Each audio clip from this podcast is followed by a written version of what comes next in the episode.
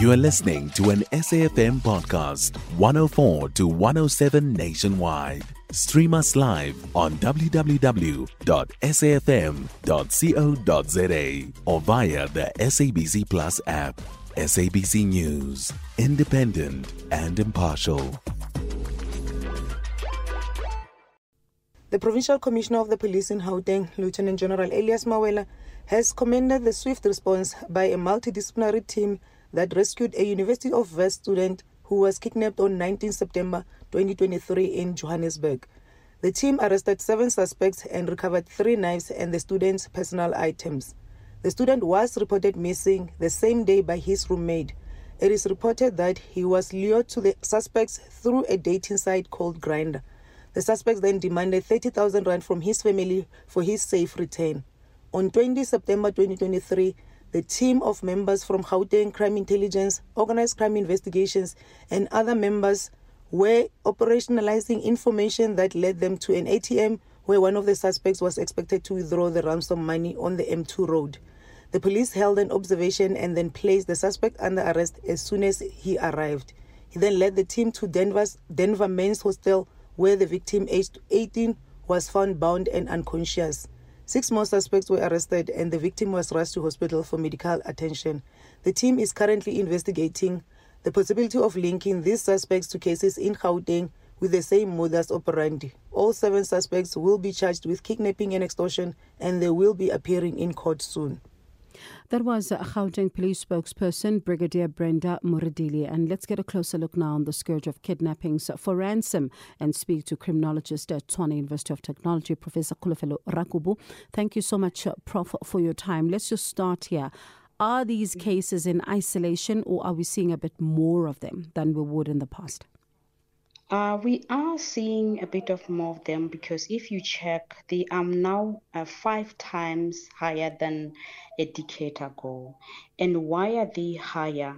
Um, remember, normally abductions or these kinds are committed by, we know they're committed by sophisticated transnational groups specializing in high value kidnappings. However, what we're seeing as a new trend in South Africa is that local crime groups carry out copycat attacks because they see success of these high profile kidnappings. And now what we're learning is that everyone is a target. Research suggest that there's a category that is targeted, should be politically motivated or business or, or, or high profile in general. However, we see new trends where now just a mere student and, and uh, where we just going to say everyone is a target. It's no longer mostly about children being pursued for human or sex trafficking or where now your location or your nationality or the type of employment matters.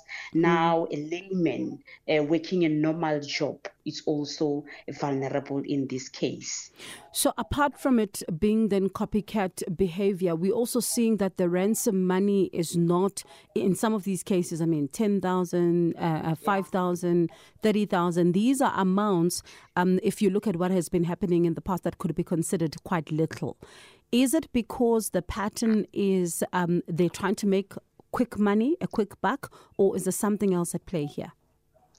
They're trying to make a quick buck because criminal behavior is learned. All these criminals have learned of these successes that it has always been difficult, a bit more difficult to to deal with this syndicate. Now, what it tells them is uh, is now that you can get away with it. So when you need quick money, there's no family that is going to say, uh, kill him or we don't care. Mm. They will always, so they tap into that and looking for quick money. They are not so organized. However, we always recommend this intelligence driven policing, which is always supported by dedicated investigation units and, and forensics. And what will also assist is constant data collection because now patterns have changed. They, they, they are more innovative and they, they are now out there. It's no longer one in three, it's on a daily basis. So, mm. constant data analysis is required to shift the, the, the narrative that you need to be a businessman, you need to have a lot of money. I might be killed for 1,500. So we're moving into that direction now. So, the Institute for Security Studies, for example, says that yeah. in the past 10 years, kidnappings skyrocketed from 183% from 3,832 in 2012 2013 to around 10,000. Uh, 10,826 in uh, 2021 22. Now, you say that we need intelligence driven operations and there must be data that is collected in this regard. Do police have that kind of capacity to be able to do that? They do have the capacity. What we, we, we always question is the political will and the desire to attend to this.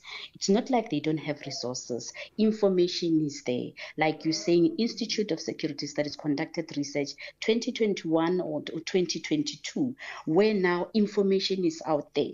But from the police side, when we talk of intelligence driven policing, it will be supported by um, concrete research because sometimes what they have on paper is not on par with what is on the ground. Because on paper, we're looking at a sophisticated criminal, mm. but look at now um, what is on the ground. A Nyaupe boy would now kidnap me for 1,500. So our intelligence should be three steps ahead and have that in place that now paradigm has shifted a bit. We now, with this kind, the, the, the abductors are different than we would normally uh, see or what as per experience. Now an abductor can just be anyone who will rush to an ATM for withdrawal, not realizing that there are cameras, not realizing that the, the, they, they are followed or something like that. Yeah. So it's now on the loose to an extent that they should now also update their information and mechanisms to deal with this. It's right. no longer about Intel and international or transnational. It's now more localized than before.